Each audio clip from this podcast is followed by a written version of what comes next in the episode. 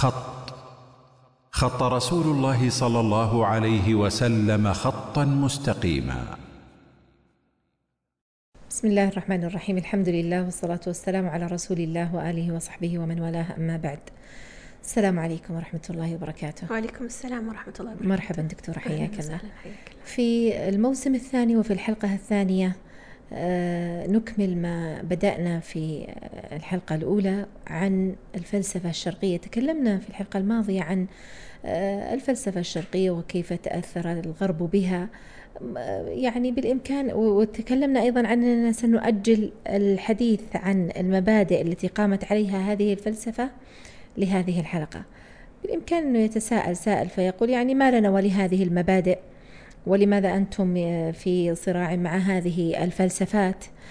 هل هذه الفلسفات حاضرة وموجودة ولنتحدث عنها؟ وما هي؟ ممكن نتناولها واحدة واحدة. طيب. الحمد لله رب العالمين والصلاة والسلام على نبينا محمد وعلى آله وأصحابه أجمعين. آه، طبعا الكلام عن الفلسفة لولا أنه مؤثر في المجتمع وفي الواقع الذي نعيشه لما كان مجاله في مثل هذا اللقاء لكان دراسته تكون محدودة في في يعني منطقة تخصصية محدودة جدا ولا يطرح على يعني يعني عوام الناس ولا يطرح على يعني بهذه الطريقة التي تعتبر شبه جماهيرية. السبب الذي يجعلنا نتناول الفلسفة الشرقية بشكل عام ونقف عند كثير من مبادئها هو أنه هذه المبادئ لم تعد حكرا على البلدان الشرقية ولم تعد حكرا على أتباع الهندوسية والبوذية وإنما إن- انتقلت من تلك البلدان إلى العالم الغربي بالطريقة والوسيلة التي ذكرناها في الحلقات السابقة ثم انتقلت من هناك إلى العالم العربي والإسلامي. ومن ثم فهي مؤثرة بشكل مباشر شئنا أم أبينا بكثير من التطبيقات التي يمارسها أبناء المسلمين. وربما اعتقدوا واعتنقوا مثل هذه ال- ال- ال- المبادئ دون أن يعلموا أن أصولها شرقية ولا أصولها هندوسية أو بوذية أو دون أن يعلموا وجه مخالفتها للعقيدة الإسلامية. ومن ثم كان من ال- ال- المتعين حقيقة أن نتحدث عن هذه المبادئ ونبين مدى مخالفتها لعقيدة الإسلام ومدى ارتباطها أصلا بأصولها ال- الشرقية. فإذا المهم عندي أنا حقيقة في في في هذا الموضوع هو أن أن أن يدرك ال- ال- المستمع بشكل عام أنه الفلسفة الشرقية قائمة على مبادئ كثيرة جدا ولها فروع ولها مدارس. لكن هناك بعض المبادئ في الفلسفة الشرقية هي التي آه، تسربت إلى العالم الإسلامي وهذه التي بودي أن أقف عندها. وأنت ذكرت في حلقات ماضية أنها تسربت من عدة طرق وليست يعني في زاوية واحدة أو في أح- عند الحديث عن الفلسفة فقط لا إنما آه، تسربت من خلال الطب البديل ومن خلال علم النفس ومن خلال العلوم التجريبية بل من خلال تفسير نصوص الوحي. بتفسيرات فلسفية. بتفسيرات فلسفية باطلة. طبعا حتى حتى العلوم الأخرى تسربت آه، التصقت بها التصاقا وليست منها. كما ذكرنا في ال- الحلقات الماضية. صدقتي. ال- الكلام عن موضوع المبادئ الفلسفية ال- الشرقية هي لم تطرح في ال- في العالم العربي والإسلامي في الغالب أو على أقل تقدير في بداية الأمر لم تطرح على أنها مبادئ فلسفية. إنما طرحت أول الأمر طرحت على على شكل تطوير ذات ودورات تدريبية. وهذا لعله يعني في في الحلقات القادمة نفصل في الدورات التدريبية وفي المرحلة الثانية. ثم بعد الدورات التدريبية بدأت تظهر الطرق العلاجية المتأثرة بالفلسفة الشرقية اللي هي بعض تطبيقات الطب البديل والطب التكميلي. ثم بعد ذلك بدأت تطرح في آه، إطار فلسفي من خلال القوانين الكونية وغيرها من الأطروحات التي تعتبر أطروحات فلسفية صرفة. في ال- في المقصود أنه هذه المبادئ ال- الفلسفية انتقلت إلى العالم الإسلامي ومن ثم وجب الوقوف عندها ومعالجتها وفهم ما هي حقيقة هذه هذه المبادئ وتصور مدى انحراف الفلسفة الشرقية أصلا ومدى انحراف العقائد ال- المنبثقة من هذه الفلسفة ومن ثم ما بني عليها من تطبيقات وممارسات و يعني يعني ممارسات ارتبطت بهذه ال- المبادئ وهذه المصطلحات كذلك. نعم أول مبدأ آه، ارتكزت عليه الفلسفة الشرقية هو فيما يبدو عقيدة وحدة الوجود يعني بالضبط. هذا هو أعلى صحيح هذا هو أوضح أهم شيء. أهم مبدأ في أو أهم عقيدة مم. في الفلسفة الشرقية خاصة في المدارس الثلاث التي ذكرناها السامخيا والفيدانتا واليوغا أهم عقيدة وهي تعتبر العقيدة المركزية التي انبثقت منها سائر المعتقدات هي العقيدة, عقيدة وحدة الوجود أو القول بوحدة ماذا يعنون بوحدة الوجود؟ أه، بطريقة مبسطة جدا أه، يراد بها أن الوجود كله شيء واحد أن المظاهر التعددية يعني أنت لما تشاهدين الأشياء حولك أه، متعددة هذا شيء وهذا شيء وهذا شيء هذا في الواقع في من, من, من وجهة النظر الفيدانتا على أقل تقدير هذا التعدد وهمي. وإنما هو فقط في ذهنك يعني بس أنت تشوفينه لكن في الواقع في حقيقته هو شيء واحد. وهو هذه العقيدة عند الذين يقولون بأنهم يعتقدون بإله أو على الأقل ظاهريا يقولون فيه يوجد إله يقولون بأن كل شيء هو الإله. لأنه أصلا الوجود عندهم واحد عاد سواء آمنوا بإله فقالوا كل شيء هو الإله آمنوا طبعا به صوريا. لأنه كما ربما ذكرنا في الحلقات السابقة أن الاعتقاد بإله مطلق هكذا هو في الحقيقة نفي, نفي لوجود إله خارجي. ف... يعني هذا الذي جعل سوامي في في فكندا في خطبته يقول لهم أنتم آلهة. نعم طبعا وهذا من ال من ال العقائد المنبثقة من عقيدة وحدة الوجود. عقيدة وحدة الوجود لن يعني لن أطيل حقيقة في ردها لأنه الكلام عن عن هذه العقيدة مجرد إنك يعني تتصورين هذا المذهب ولا تتخيلين حتى هذا المذهب ولا تفكرين فيه تدركين إنه مذهب محال عقلا. مذهب محال عقلا وحسا ومردود شرعا بكل كل المقاييس والاعتبارات. فلا يحتاج حقيقة إلى إلى وقفات مطولة في مسألة صحيح. الرد عليه. ولذلك عندي نص من من من مجموع الفتاوى في في في مجلد الربوبية.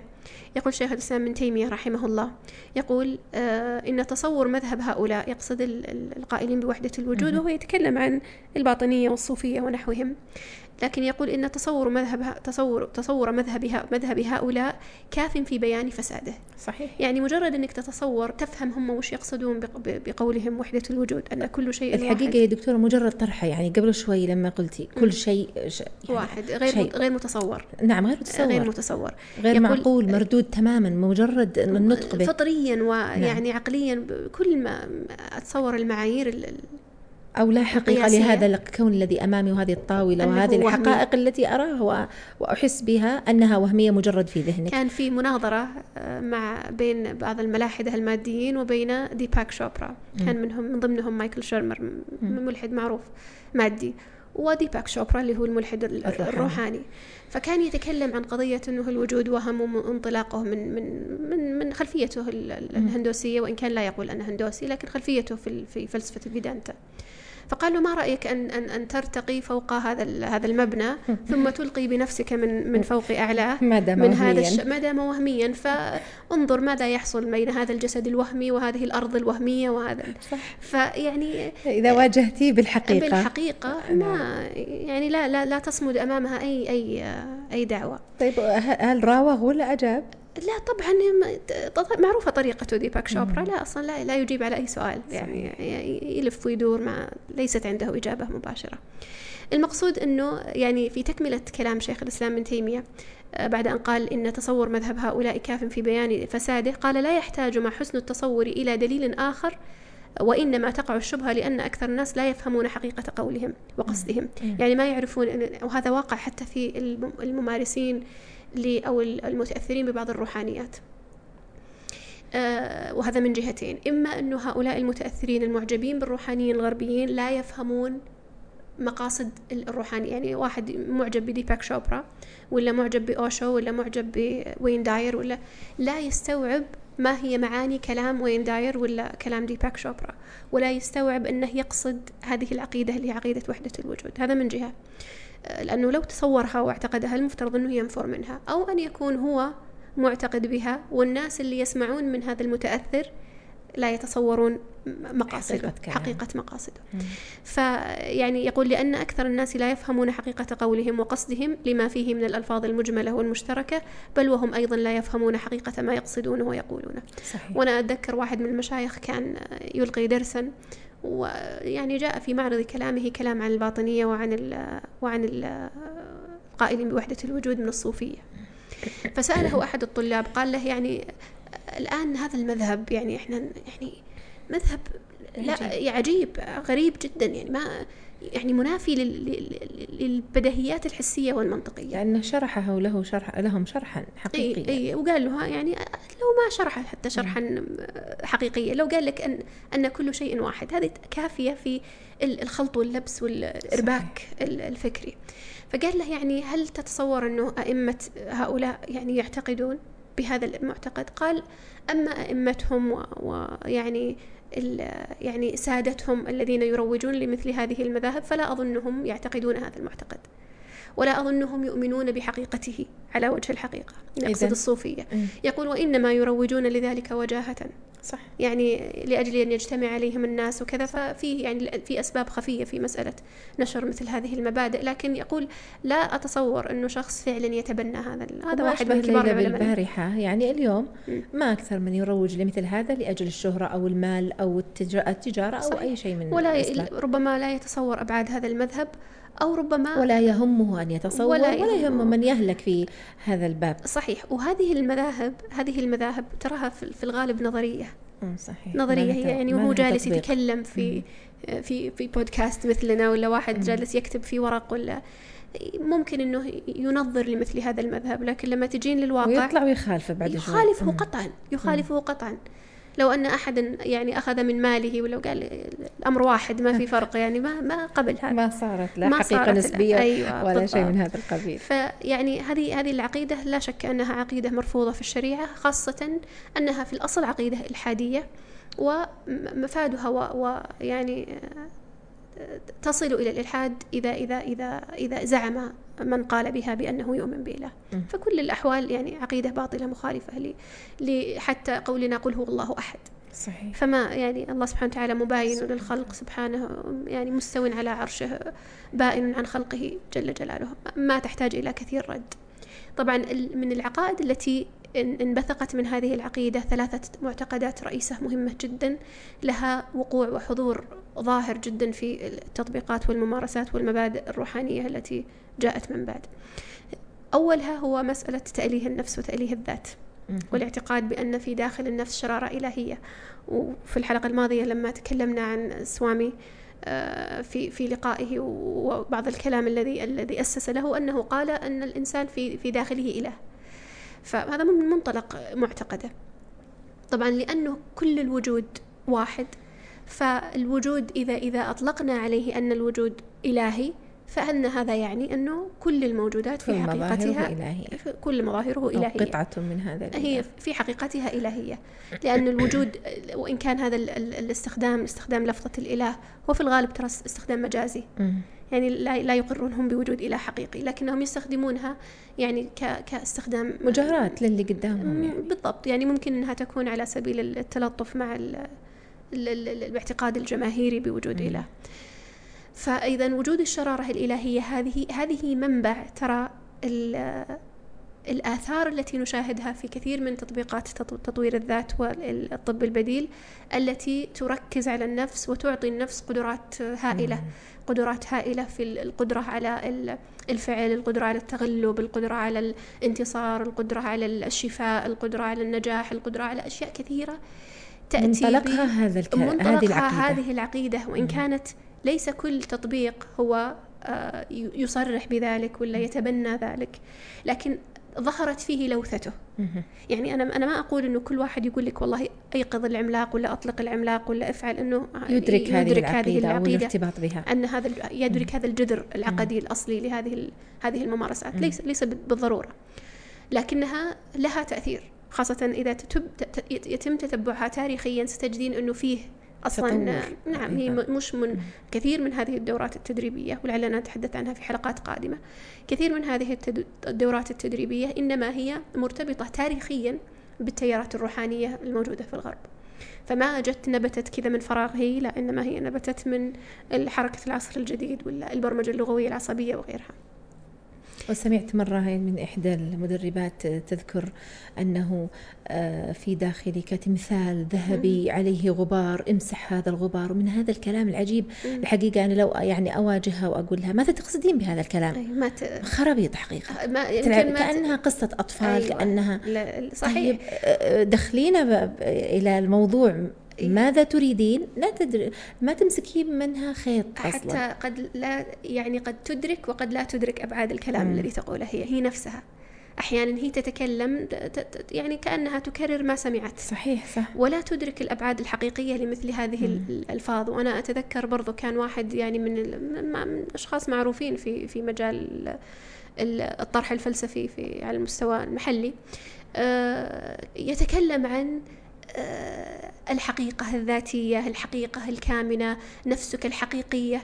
يعني يشير إشارات إلى أنه في شيء إحنا ما نعرفه في داخل مم. أنفسنا. وأننا إحنا مزيفين وهناك وإحنا حقيقة. أيوة وأنه الظاهر هذا مزيف وأنه ما, ما, ما نعرفه عن أنفسنا هذا مزيف لكن في حقيقة كامنة في حقيقة خفية. مم. هذه كلها الإشارات لا شك أنها آه، مرتبطة بهذه بهذه الأصول. يعني آه، المتحدث قد يقصد وقد لا يقصد قد يعلم وقد لا يعلم لكن لا نستطيع أننا ننكر في كثير من الأحيان ارتباط مثل هذه الممارسات ومثل هذه المقالات بهذه الأصول صحيح. الفلسفية القديمة صحيح. خاصة عند ثبوت التأثر التاريخي بهذه بهذه الأمور. المشكلة إذا جاء من يدلل عليها مثلا فيقول آه، المقصود بها مثلا الروح ثم يجعل الروح جزء من الإله فيعني يخرج من مطب فيقع في مطب آخر. صحيح صحيح. وأنا أتصور أنه ربما الإشكالية أحيانا عدم عدم تصور المقالات الفلسفية أصلا. م. يعني أنا أذكر مرة آه، كنت كتبت تعليق على على آه، واحد من البرامج.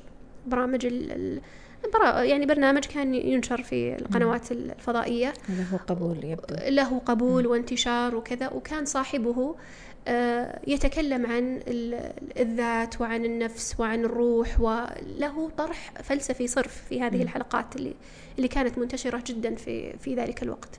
فكتبت بعض التعليق ويعني ذكرت إنه الطرح هذا مرتبط بشكل كبير جدا بطرح الطرح البوذي وبالطرح الروحاني. فيعني أرسل لي أحدهم أحد شخص يعني أحترمه وأقدره حقيقة لكن قال يعني وش ليش الربط الآن هذا؟ لماذا كأنه يعني يستبعد. كأنه استكثر أنه أنه يعني يقال أنه هذا الإنسان متأثر بالفلسفة البوذية أو نحوها. مع أنه كان يطرح كتاب آه، لرمز من رموز الروحانية بكل وضوح وبكل صراحة. وكل صراحة. يعني هو الذي أحسنتي بل هو يعني لا ما هي أحسنتي. ولذلك هذا الشخص اللي يعتبر شخص متخصص وشخص لديه يعني باع من العلم أشكل عليه هذا لأنه وجدت عنده حلقة مفقودة وهي الرابط بين هذا التطبيق وبين الفلسفة الأصلية. أي. فلما ذكرت له أنه هذا الإنسان إنما هو في الواقع تراه يحيل ويذكر أنه أنه يأخذ من مثلا أكهارت تولي ولا ولا غيره من الفلاسفة الروحانيين اللي يطرحون الفلسفة البوذية بشكل صريح و يعني تبين له أنه فعلا الارتباط الآن أصبح ظاهر. فأحيانا بعض الناس قد يستبعدون أن يكون هناك ارتباط. أو يستبعدون أن يكون هناك فعلا طرح لمذهب بوذي ولا مذهب هندوسي ولا في في في في حلقات تلفزيونية ولا حلقات على اليوتيوب ولا في كتاب ولا ولا غير ذلك. والواقع للأسف يدل على على خلاف ذلك. فإذا مسألة تأليه النفس هذه من العقائد المنبثقة. آه، نعم. ليست لا يعتبر تطبيق هذا يعتبر أصل يعتبر عقيدة. نعم. تتولد عن هذه أو, أو يعني تنبثق عن هذه العقيدة بعض التطبيقات. لكن القول بتأليه النفس والشرارة الإلهية هي عقيدة في حد ذاتها. وأنا أتصور أن المستمع لن يعني آه، يدرك خطورة هذه الأشياء وتغلغلها في آه، عند يعني في في ممارسات الناس إلا إذا بدأنا نتحدث عن التطبيقات. صحيح. ونحيل في ذلك. أنا يعني أحب أن آه، أنبه أنه يكون منتبه لهذا الطرح لأننا سنشير إليه لاحقا ونقول ما ذكرناه سابقا. ما ذكرناه سابقا نعم, نعم. صحيح. ودائما أنا لما ألقي مثل هذه ألقي دورات مثلا وأبدأ بالمقدمات الفلسفية أجد التململ صح. في الحاضرين. يعني صح. أحيانا يستثقلون ولا يستكثرون مثل هذا الطرح ولكنه ضروري. لأنه لو لم يكن لدى لدى المتلقي تصور عن هذه المبادئ الفلسفية إذا جيت بعدين وقلت لهم ترى هذه أصولها فلسفية ولا بوذية ولا هندوسية؟ قال وين أصولها؟ طيب أنت اسمعني لما أنا أقول لك وين الأصول. صح. دعني أوضح لك وين موضع ال ال الأصل. الأصل مم. أصلا. يعني ال- وين ال- ماذا بنيت عليه الفلسفة الشرقية. ثم بعد ذلك أبين لك عاد أنه التطبيق تراه مرتبط بهذه نعم. الأصول حتى لا وهذه تحسن الظن فيها. أيوه. الأمر الثاني اللي هو القول بنسبية الحق. نعم. وهذه نقطة خطيرة جدا. جدا صحيح. منافذها كثيرة ليست فقط الفلسفة الشرقية. يعني كثير من الناس يطرحون كثير من المذاهب الفكرية تطرح قضية نسبية الحق. لكن نسبية الحق تطرح بشكل قوي جدا من منطلقات القائلين بوحدة الوجود. لأن الذي يقول بأن الوجود كله واحد فالمعتقدات كلها صائبة. ما في شيء صح وشيء غلط وشيء كذا. كل من اعتقد المهم أنك تعتقد بوحدة الوجود. هذا الشرط مم. لصحة ال- القول أن تكون معتقد بهذا هذا الاعتقاد فبناء بهذه الفوضى يعني بهذه بهذه المعتقدات الشرقية ومن ثم يكون جميع المعتقدات صحيحة. الأمر الثالث اللي هو القول بوحدة الأديان وهو مرتبط بعقيدة وحدة نسبية الحق. يعني يعني يمكن ما أدري إذا وضحت معنى نسبية الحق معناته نسبية الحق يعني أن ضروري الحق جداً. ليس واحد مم. أنه ممكن أكون أنا على حق وأنت تكون على حق وإن المسلم كنا على حق متضادين وإن كنا متضادين بل وإن كنا متناقضين. يعني ممكن أنا أقول الله واحد وواحد يقول الإله متعدد. وأكون أنا على حق ويكون هو على حق. هذا نقيضين. ما نعم، يمكن. وممكن نطرحها في الأمور العادية. فأقول مثلا دخلت فلانة وهذا يقول لا بل خرجت. أو هي موجودة والآخر يقول ليست ليست موجودة, موجودة. وك- وكلانا على حق. هذا مستحيل. لا ينسجم عقلا. بالضبط. فهي ولا المسألة واقعا ولا, ولا من ولا. واقعا ولا. لكن يعني قضية نسبية الحق هذه يعني ترى تراها من الأشياء النظرية. مم. التي إذا أجينا على أرض الواقع ما يطبقونها. لابد أن أن يعني حسيا ما قال له بض- نسبي إيه، الحق قال نسبي. ولا شيء قام إيه، قال الحق معي ولا الحق. معك؟ ما في ما منه حقه إيه، كامل صحيح. فهي عموما مثل هذه الأطروحات هي في الغالب نظرية صح. لكنها لكنها للأسف مؤثرة على العقائد. يعني إيه، حتى لو نعم. كانت تراها نظرية لما يجي واحد ويقول لك يشك في آه، صحة مذهب الكافر مم. هذا الشك في صحة مذهب الكافر بحد ذاته كفر ترى. هي هي ليست يا دكتورة نظرية مم. من يعني من جميع النواحي هي مؤثرة حقيقة ليست نظرية بل لها تطبيقات لها آه، تطبيقات دينية ولها يعني تأثير كبير على عقائد الناس بل على على على آه، يعني. ممارساتهم وتعاملات يعني شعائرهم التعبدية صحيح لكن المقصود بأنها ليست واقعية أو ليست آه، كما ذكرتي يعني ما يمكن أقصد أنه لا يمكن أنه أنها نظرية أنها نظرية لا تطرد واقعيا. نعم هذا المقصود. أنهم هم أنفسهم لا يطردونها في الواقع. صحيح. صحيح. لا يمكن أن لا يستطيعون تطبيقها لا في يمكن الواقع. أن تطرد في ينظرون لها وفي واقعهم بخلاف ذلك. بخلاف ذلك لكن لا يعني هذا طبعا وقطعا لا يعني هذا أنها ليس لها أي نوع من التأثير. بل تأثيرها شديد. لا تأثيرها شديد على ال على ال على المعتقد وعلى السلوك الذي ينبني عليه المعتقد. صحيح. يعني واحد مثلا لا يؤمن ب- بالفرق بين مؤمن وكافر سيؤثر على سلوكياته فيما يتعلق بالولاء والبراء والأحكام المتعلقة بالمسلمين والكفار. صحيح. ففيه أثر لا شك لكنه يعني أقصد أنه طرد هذا في كل مجالات الحياة متعذر. أن يقول الحق نسبي في في كل حالة ما لا لا يمكن أن لا يتصور. هذا. لا لا يستقيم ولا يمكن أن يتصور. آه، فإذا المسألة المسألة الأخرى الأخيرة اللي ذكرناها هي القول بوحدة الأديان وأن الأديان كلها صائبة. أن الأديان كلها كلها صائبة. لا يوجد يعني دين حق ودين باطل. وربما لما تكلمنا عن الروحانية في إحدى الحلقات السابقة وذكرت لك أنه لما ديباك شوبرا ألف كتبا في الإسلام وفي البوذية وفي النصرانية تذكرين. كلامنا مم. عنه ال- ال- الطرح هذا هو هو طرح طرح إعلامي إن صح التعبير لعقيدة وحدة الأديان صح لكن لما تنظرين في جوهر الفكرة هي ليست في ال- في الحقيقة تصويب للإسلام وتصويب للنصرانية وتصويب لا هي تراها هي تصويب لمدرسة أو تفسير معين. يتبعه بعض المنتسبين إلى الإسلام. ومدرسة وتيار معين في النصرانية. وبتعبير أدق وأكثر تصريح. يعني التيارات الباطنية في نعم. الإسلام والغنوصية في النصرانية وما شابهها يعني اللي على نفس عقيدتهم. بالضبط. فهم يعني هو تحريف للإسلام نعم لينسجم هي, هي جوهر العقيدة. الأديان واحد من وجهة نظرهم. فالمقصود أنه تصحيح الأديان على كل حال هذه أيضا عقيدة لا شك أنها عقيدة فاسدة. والله سبحانه وتعالى يقول إن الدين عند الله الإسلام. قل يا أيها الكافرون لا أعبد ما تعبدون لا أعبد ما تعبدون. ولذلك النبي صلى الله عليه وسلم في الحديث الصريح يقول والذي نفسي بيده لا يسمع بي يهودي ولا نصراني ثم لا يؤمن بي إلا أدخله الله النار. ما في أديان متعددة وهذا حق وهذا حق. الحق واحد لا يتعدد. صحيح. الكلام في هذا يعني الصراط المستقيم الصراط واحد. ال- الكلام في هذا يطول. جميل لو نفرد له حلقة حقيقة فيه يعني ممكن ممكن يعني ننظر في قضية نسبية الحق والكلام عن وحدة الأديان وما شابه لكن هنا نذكره على يعني إشارات. إشارة نعم. أه تحبين ننتقل للعقيدة التالية؟ نعم نعم. نعم. العقيدة التالية اللي هي عقيدة ال- الكارما وتناسخ الأرواح. أم، وهذه برضو من العقائد البارزة في مركزية في صحيح. في الفلسفة ال- الهندوسية والفلسفة البوذية على حد سواء. نعم. يعني كلاهما البوذية تراها عبارة عن يعني كالفرقة التي انشقت عن صح. ال- الهندوسية. لأن بوذا رجل هندوسي. في أصله. لذلك ستجدين أنه في كثير من العقائد المشتركة بين الهندوس والبوذيين ومن ضمنها ال- ال- الكارما وتناسخ الأرواح. نعم. نعم. آه، يعني إذا تحبين أعرف لك الكارما. آه، مهم. يعني إذا أردنا أن نعرف الكارما طبعا الكارما هي من المصطلحات ال- الأعجمية. يعني ليس مصطلح مصطلح عربي أو مصطلح هذا مصطلح معرب ذكرناها في حلقة في مضت. في أولى الحلقات نعم. أظنها من هذا البرنامج.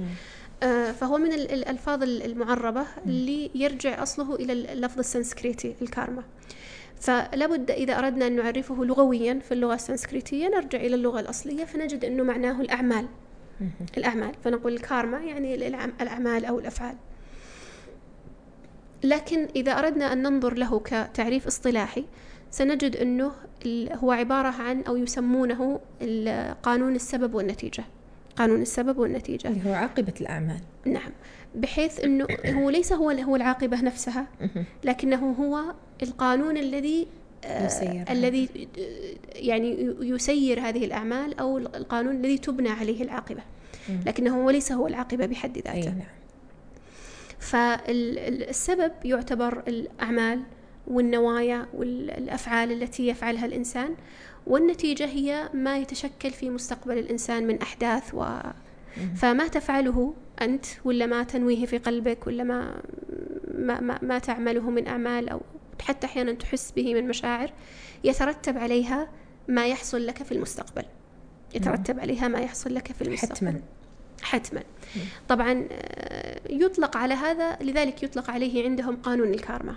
يطلق على هذا ال ال ال ال يعني ال- القاعدة التي عندهم قاعدة السبب والنتيجة يطلق عليها قانون ال ال الكارما. طب هي دائما تأتي مع تناسخ الأرواح؟ وش علاقتها؟ هي مرتبطة جدا بتناسخ الأرواح. مم.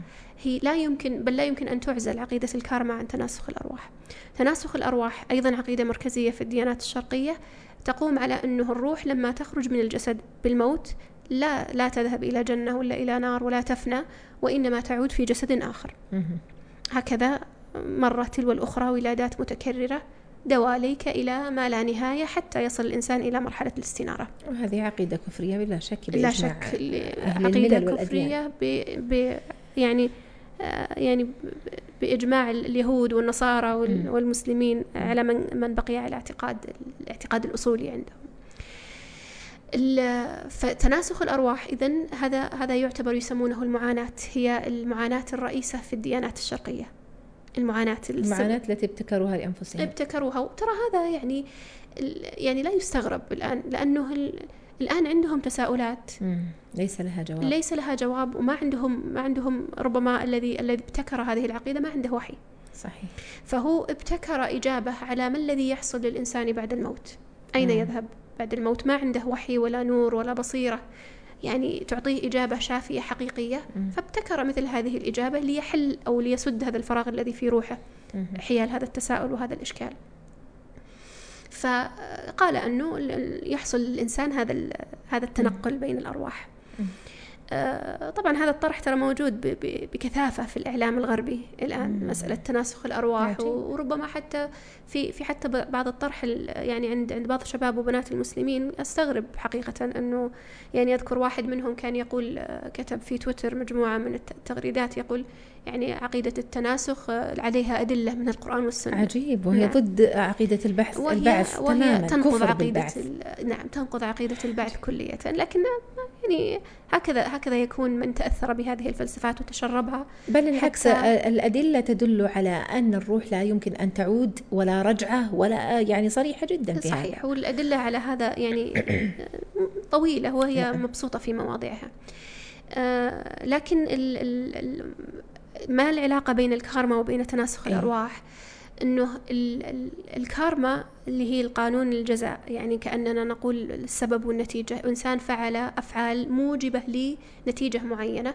وما هذه حصلت النتيجة له. ما حصلت له في حياته مات صغيرا ولا مات سعيدا الآن. انخرم القانون. مم.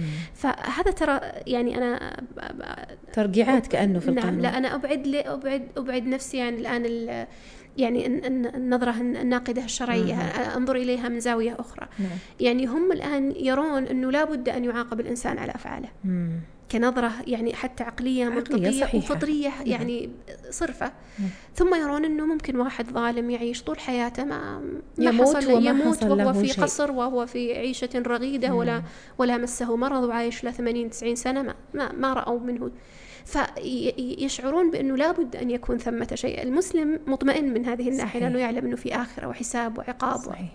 لكن واحد ما عايش نسأل الله العافية والسلامة في في يعني يعني يعني هذه يعني هذه الضلالات هذا هذا هذه المجاهيل الآن سيستحدث مثل هذه العقيدة ليطمئن قلبه ويشعر أنه المحسن سيثاب وال, وال والمسيء سيعاقب. لكن أين يثاب يثاب في حياة أين ثانية؟ ممكن في حياة ثانية ولا ثالثة ولا رابعة ولا خامسة ولا عشرين حتى. مثلا عقوبة هذا الظالم بأن تحل آه، روحه في جسد مثلاً. كلب مثلا مثلا أو على يعني على الخلاف يعني هل هل التناسخ بين بين الحيوانات وما ذنب هذا المعاق الجديد؟ نعم الجديد ما هو ذنبه إنه اللي قبله السابق اللي ما درى عنه أيوة الله بالضبط أكبر. هذا وهذه من إشكالات يعني طبعا حل ظلما بظلم وهذه من. من إشكالات لا. طبعا هم هم لا لا. يرون ذلك هم يرون إنه الروح وحده الحمد لله على مثل والله، إجابات نسأل الله. شافية وجميلة وواضحة جدا ومباشرة على التساؤلات هذه. نعم نسأل الله العافية والسلامة اذا المقصود إنه هذه تناسخ الأرواح هذه يعني تفهم في في في سياق واحد مع ال- القول بال- بالكارما. بالكامل لا تنفك عنها لا إطلاقاً. يمكن أن تنفك عنها لأنها واقعيا تطبيقيا لا يمكن ان ان أن يثبت الكارما دون أن يكون هناك مرحلة ثانية لا نراها. لأنه لو قلنا انه هناك كارما وسلمنا لهم بهذا القانون سنقول أين هو؟ الواقع يخالفه. الواقع يخالفه ومن ثم سيضطرون إلى أن يقولوا لا ترى فيه حلقة ثانية. مم. فيه المرحلة التالية التي هي بعد الموت. عندما إذا كثير من الناس الذين يتكلمون عن الكارما من أبناء المسلمين لا يتصورون هذا القانون على وجهه ويزعمون مزاعم ما زعمها حتى الهندوس. يعني الهندوس ما قالوا أن الكارما أنها في نفس الحياة صح. آه، يعود إليك فعلك حتما. ضرورة. لا ضرورة. يقولون هناك حياة أخرى لأنهم وجدوا أن الواقع يخالف ذلك. بينما كثير من أبناء المسلمين للأسف يتبنى مثل هذه الفلسفات يمكن يبهرها زيادة يعني يزيد عليها من عنده. فيزعم أن كل تصرفاتك آه، ستعود إليك حتما. ومع أنه يرى أنها لا تعود ليست كلها. ليس بالضرورة ليس بالضرورة أن ليس بالضرورة أن تعود. وهذا هو ال- هذا ال- الواقع. ليس بالضرورة أن يعاقب الإنسان. يعني من منطلق شرعي ليس بالضرورة أن يعاقب الإنسان في في الدنيا. بل الله سبحانه وتعالى يمهل جل جلاله. نعم، ويؤخرها يعني حتى إذا أخذهم أخذهم أخذ عزيز مقتدر سبحانه. ليس. بالضرورة أن تعجل العقوبة في نعم. الدنيا. بل كثير من الطغاة وكثير من ال- ال- الظلمة وكثير من الجبابرة تمر حياتهم ترى بدون عقوبات. صح. وهذا من من من من مكر الله سبحانه وتعالى بهم سبحانه وتعالى. فالقضية من منظور شرعي مختلفة تماما. لكن دعيني يعني بس أبين لك بعض النقاط المتعلقة بالكارما من منطلق هندوسي من نعم. من من من يعني من من من زاوية ومن وجهة نظر الهندوسية عشان تعرفين بالضبط إيش إيش مفهوم هذه. العقيدة. طبعا بعد أن قلنا أنه ال- ال- الكارما متعلقة بتناسخ الأرواح وتوالد الأرواح. آه نعلم أنه ما يسمى عندهم الكارما الحسنة. تتسبب في ولادات حسنة بهذا التعبير والكارما السيئة تتسبب في ولادات سيئة هذه واضح تعلقها بعقيدة التناسخ أمر آخر أنه وهذه جدا نقطة مهمة أنه الكارما والقانون الكارما هذا يعمل باستقلال تام عن أي وجود إلهي أو أي عن عقوبة إلهية. يعني هم يرون أنه عمله مستقل ليس مرتبطا بالعقوبات الإلهية. إنما هو قانون كوني مثل مثلا قانون الجاذبية الحين. يعني ترفعين ترمين شيء يلتصق بالأرض. فهو ليس يعني متعلق بعقوبة لا قانون. فكأنه يعني طريقة لسير الكون. فقط. لا غير لا علاقة له بالعقوبة الإلهية. فهذه نقطة مهمة جدا. لا يستوعبها كثير من من يتبنون هذه هذه الاصطلاحات وهذه المبادئ من أبناء المسلمين. أمر آخر إنها مبنية على قاعدة عندهم مشهورة ذكرها بوذا هي أن الشبيه يجذب الشبيه. فيعني ليس بالضرورة أنها مبنية على قاعدة أخلاقية. وإنما هي كما كان يذكر واحد منهم من من من العرب يكتب في تويتر مرة كان يقول الجذب ويتكلم عن الجذب وتعلقه طبعا بالكارما فيقول هذه قوانين آه، ذبذبية ليست قيمية أي نعم. يعني وش وش الفكرة إنه ما تفعله أنت بحسب ارتفاع ذبذبته ولا بحسب آه، يعني انخفاضه ولا ليس أنه خير ولا شر ولا لا وإنما سيجذب لك مثل ما أنت ما أنت يعني تفعل ولا ما أنت تنوي ولا ما أنت بغض النظر عن الخيرية أو ال أو ال أو ال هم ربما ما عندهم أصلا تعريف للخير ولا للشر. ما عندهم تعريف منضبط للخير والشر. ولذلك حتى في موضوع قانون الجذب وأيضا هذا لعله يكون يأتي في في لقاء مستقل. مستقل إن شاء الله. يقول لك الشيء الذي تركز عليه هو الذي يحصل لك. يعني يحصل حتى لو ركزت على ال ال قلت مثلا أنا أريد الشفاء من الأمراض فإن تركيزك على الشفاء من الأمراض جعلك يعني تصاب بالأمراض لأنك جالسة تركز على المرض وإن كنت تريد أن تنفيها فالمفروض أنك تركز على الصحة. هذا معنى قولهم ذبذبي وليس قيمي. فليس المقصود ولا يعني من, من منظور قيمي أنا أسأل الله سبحانه وتعالى مثلا الشفاء فسأعطى بإذن الله الشفاء. نعم. لأنه هذا الذي أسأله. الله يعلم ما في الصدور. أي لن أعطى المرض لأني والله مركزة على المرض. على يعني طبعا الكلام يعني هذا يعني كلام حقا فلسفي نعم مؤلم وأنا سطحت لك الفكرة لكنها يعني المقصود إنه هذا هذا قانون الكارما. ليس. مبني على خير وشر. مش أنت فعلت شيء جيد ستثاب عليه وشيء سيء فستعاقب عليه. لا. وإنما ما فعلته سيجذب لك وسيحصل لك أشياء مشابهة له أو أو, أو نحو يعني التحسينات اللي تحدث له ما لها مصرف حقيقة. طبعا في جانب ترى أخلاقي ليست لا لا نعدمه نعدمه تماما ولا لا ننفيه تماما لكنه ليس مضطردا ليس هو القاعدة الأساسية. أيوة. بعضها قد تتوافق مع المنظور الأخلاقي الذي عندنا والقيمي البشري عموما وبعضه لا. تقولين وش علاقة هذا بهذا؟ علاقته عندهم هم فقط ليست مبنية على يكفي حقيقة المسلم أن يعلم أن عقيدة الكارما إنما هي اعتقاد وفلسفة مرتبط بتناسخ الأرواح الذي هو آه، إنكار للبعث. يكفي هذه الجملة لمن لا يريد يعني معرفة صحيح. التفاصيل. صحيح صحيح.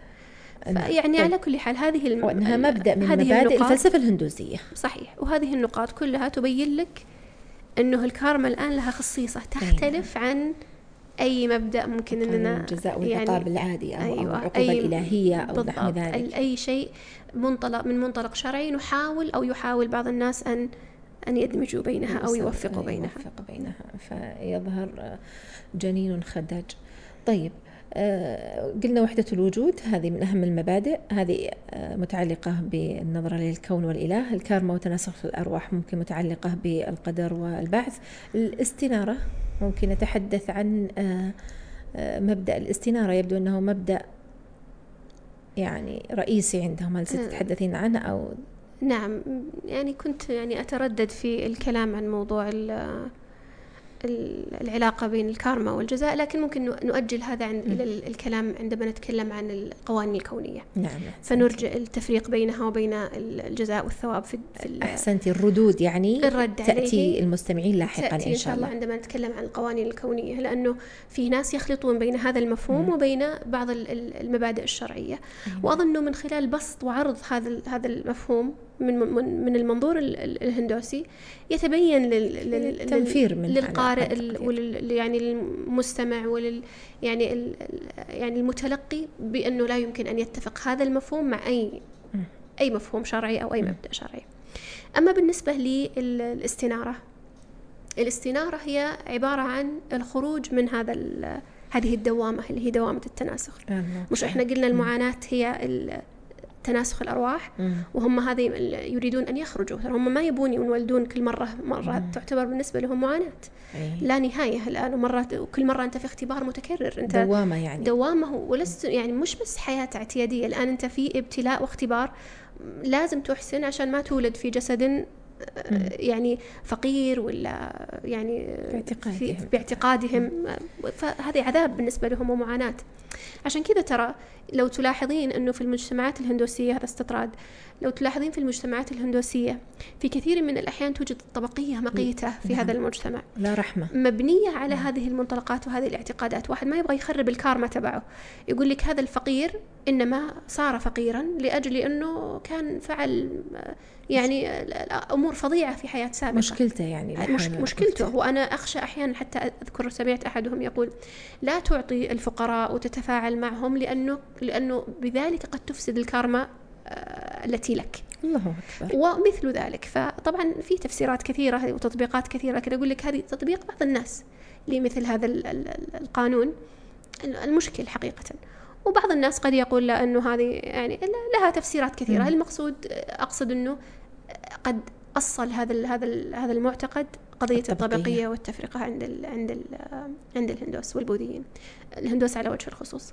ال ال الخروج من هذه الدوامة تحصل عن طريق ما يسمونه الاستنارة موكشا. أو يسمونه الموكشا في, في العقيدة الهندوسية أو يسمونه النيرفانا في العقيدة نعم. البوذية الموكشا والنيرفانا ماذا تعني؟ تعني بالنسبة إليهم إدراك وحدة الوجود الاستنارة يعني الآن كنت عايش في ظلمة ما أدري احسب انه إحنا بشر وأحسب أننا أنا انت أنا أنا شخص وانت شخص وأحسب الطاولة شيء والجدار شيء والشمس شيء أثرها كلها شيء واحد إذا أدرك الإنسان أنه كل شيء واحد في من منطلقهم خرج من دوامة التناسخ. أصبح مستنيرا الآن لأنه أصبح هو كل شيء. فإذا مات اتحدت روحه بالوجود ولم يعد بحاجة إلى العودة فيها. في ال في ال في, ال آه، في الثقافة الإسلامية إن صح التعبير يعبر عن هذا بالاتحاد بالإله عند الصوفية. اللي يعني العقائد عند الاتحاديين والحلوليين الذين يرون الاتحاد بالإله ويرون أنه هذا هو الغاية التي يسعى إليها السالك. مثل ذلك. بل هذه العقائد الصوفية تراها مستنبطة ومستوحاة من هذه العقائد الهندوسية صحيح. والبوذية. بشكل يعني يكاد يكون مطابق بتفاصيله. صحيح. فالمقصود أنهم يسعون يسعون لهذا لأجل وهذه هذه النقطة والكلام عن الاستنارة والإعجاب بالاستنارة وجعل الاستنارة هدف وغاية آه، ظاهر جدا في الطرح الروحاني الحديث صحيح. هذا إنكار للآخرة تماما. إي بالضبط لأن. هذه هي الغاية في النهاية عندهم وهي يعني كأنها أشبه بالجنة يعني التي يدخلونها وخلاص وينتهي وهي وهي صار اله شبه بال إي وهي أخطر من ذلك اللي هو قضية اعتقاد الألوهية. يعني حتى أخطر من اعتقاد بعدم الجنة والنار والبعث. اعتقاد ألوهية الذات. صح. واعتقاد وحدة الوجود هذا بحد ذاته آه، مشكل صحيح. نعم. هذه الاستنارة يعني الحقيقة إشارة بسيطة وإلا فهي الحقيقة يعني بحر, بحر وموغلة في الفساد صحيح. وتطبيقاتها للأسف كبيرة ترى على فكرة يعني اليوم يتكلمون عن الوعي ولا تقول لك آه، آه، تصلين إلى درجة الوعي هي من هذا الباب يعني لكن لعلنا إن شاء الله نفرد لها في التطبيقات صحيح. لاحقا صحيح. شيء ونرد عليها ردا يعني واضحا الاستنارة تحصل عند الهندوس بممارسة اليوغا ولا لا؟ صحيح صحيح مم. من من الأساليب لها أساليب متعددة مم. لكن أهمها اليوغا مم. اليوغا هي الطريق الذي يصل به الإنسان إلى الاتحاد بالوجود اليوغا والتأمل والخلو اليوغا طبعا لها لها تطبيقات مختلفة ولها يعني طيب برضو نرجعها في هل بقي شيء من المبادئ أو نختم عشان نطيل على المستمع؟ أختم ب نعم مبدأ. ليس مبدأ وإنما مصطلح نعم. رائج ومشتهر عند الهندوس وهو مصطلح الجورو. مم. مصطلح الجورو يقصد به المعلم الروحاني. فيعني كأنه شيخ. يعني تلاميذ ومعهم شيخهم يسمى هذا الشيخ الجورو. معلمهم يعلمهم مبادئ الهندوسية والفلسفة الهندوسية. العجيب أنه المتأثرين بالروحانيات أصبحوا يستخدمون ذات المصطلح. حتى ما يقولون معلم ولا يقولون شيخ ولا يقولون يقولون جورو. حتى واحد ألف له كتاب اسمه مع سماحة الجورو. ما شاء الله. نعم. فالمقصود وش, وش الإشكالية طبعا في طبعا غير قضية استيراد المصطلحات والتأثر الثقافي بهذه الفلسفة في إشكالية عملية أكثر عمق في في قضية استخدام هذا المصطلح وتداوله. وهي أنه يصبح المعلم الروحاني ليس شيخ ولا عالم وإنما لا بد أو, أو لا يلزم حتى أن يكون مسلم. الشخص الذي يقودك إلى الهداية الشخص الذي يقودك إلى الاستنارة الشخص الذي يقودك إلى السعادة الأبدية كما يزعمون لا يلزم أن يكون عالم بالدين لا يلزم أن بل لا يلزم أن يكون مسلم. ممكن يكون هندوسي ولا طاوي ولا بوذي ولا ملحد. المهم أنه يكون لديه المبادئ الباطنية والروحانية كما كما يقولون فيستطيع أنه يعلمك ويقودك. سبحان الله. عشان كذا عندهم ترى قضية التدين هي أقل منزلة من من منزلة الروحانية بكثير. يكفي أن تكون روحاني وإن كنت بوذيا وإن, وإن كنت, كنت ملحدا هو.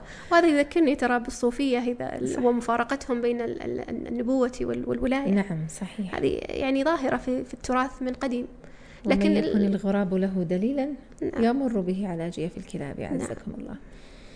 في طبعا البقية هذه سأرجئها في مواضيعها اللي هي مسألة التأمل, التأمل واليوغا. والمانترا والمانترا وما يتعلق بها. هذه لا لا أريد أن أفصل فيها هنا لأنها كل واحدة منها لها تطبيق مستقل. نعم. وربما عندما نتكلم عن اليوغا تحديدا نفرد لها إن شاء الله حلقة أو حلقات. سيعني أقف عند هذه المصطلحات وأبين ما هي معانيها وما الخطورة الحقيقة أنها مبادئ مثقلة يعني بالعقائد ومثقلة. أنا أتصور أن المستمع آه الذي آه يريد الحق ويخشى الله عز وجل مجرد ما يسمع مثل هذه الأمور سينفر منها ومن تطبيقاتها مباشرة قد لا يحتاج منا إلى حلقات للرد. لكن إن شاء الله تعالى نعد المستمعين أن نفرد حلقات مستقلة للشبهات التي يعني آه، تفتح في مثل هذا المجال أو من يظن أنه يمكن التوفيق بين الدين والفلسفة ونرد عليها إن شاء الله تعالى بشيء من الوضوح. أسأل الله عز وجل يبارك فيما قلنا وسمعتم. سبحانك اللهم وبحمدك أشهد أن لا إله إلا أنت أستغفرك وأتوب إليك. الحمد لله والصلاة والسلام على رسول الله.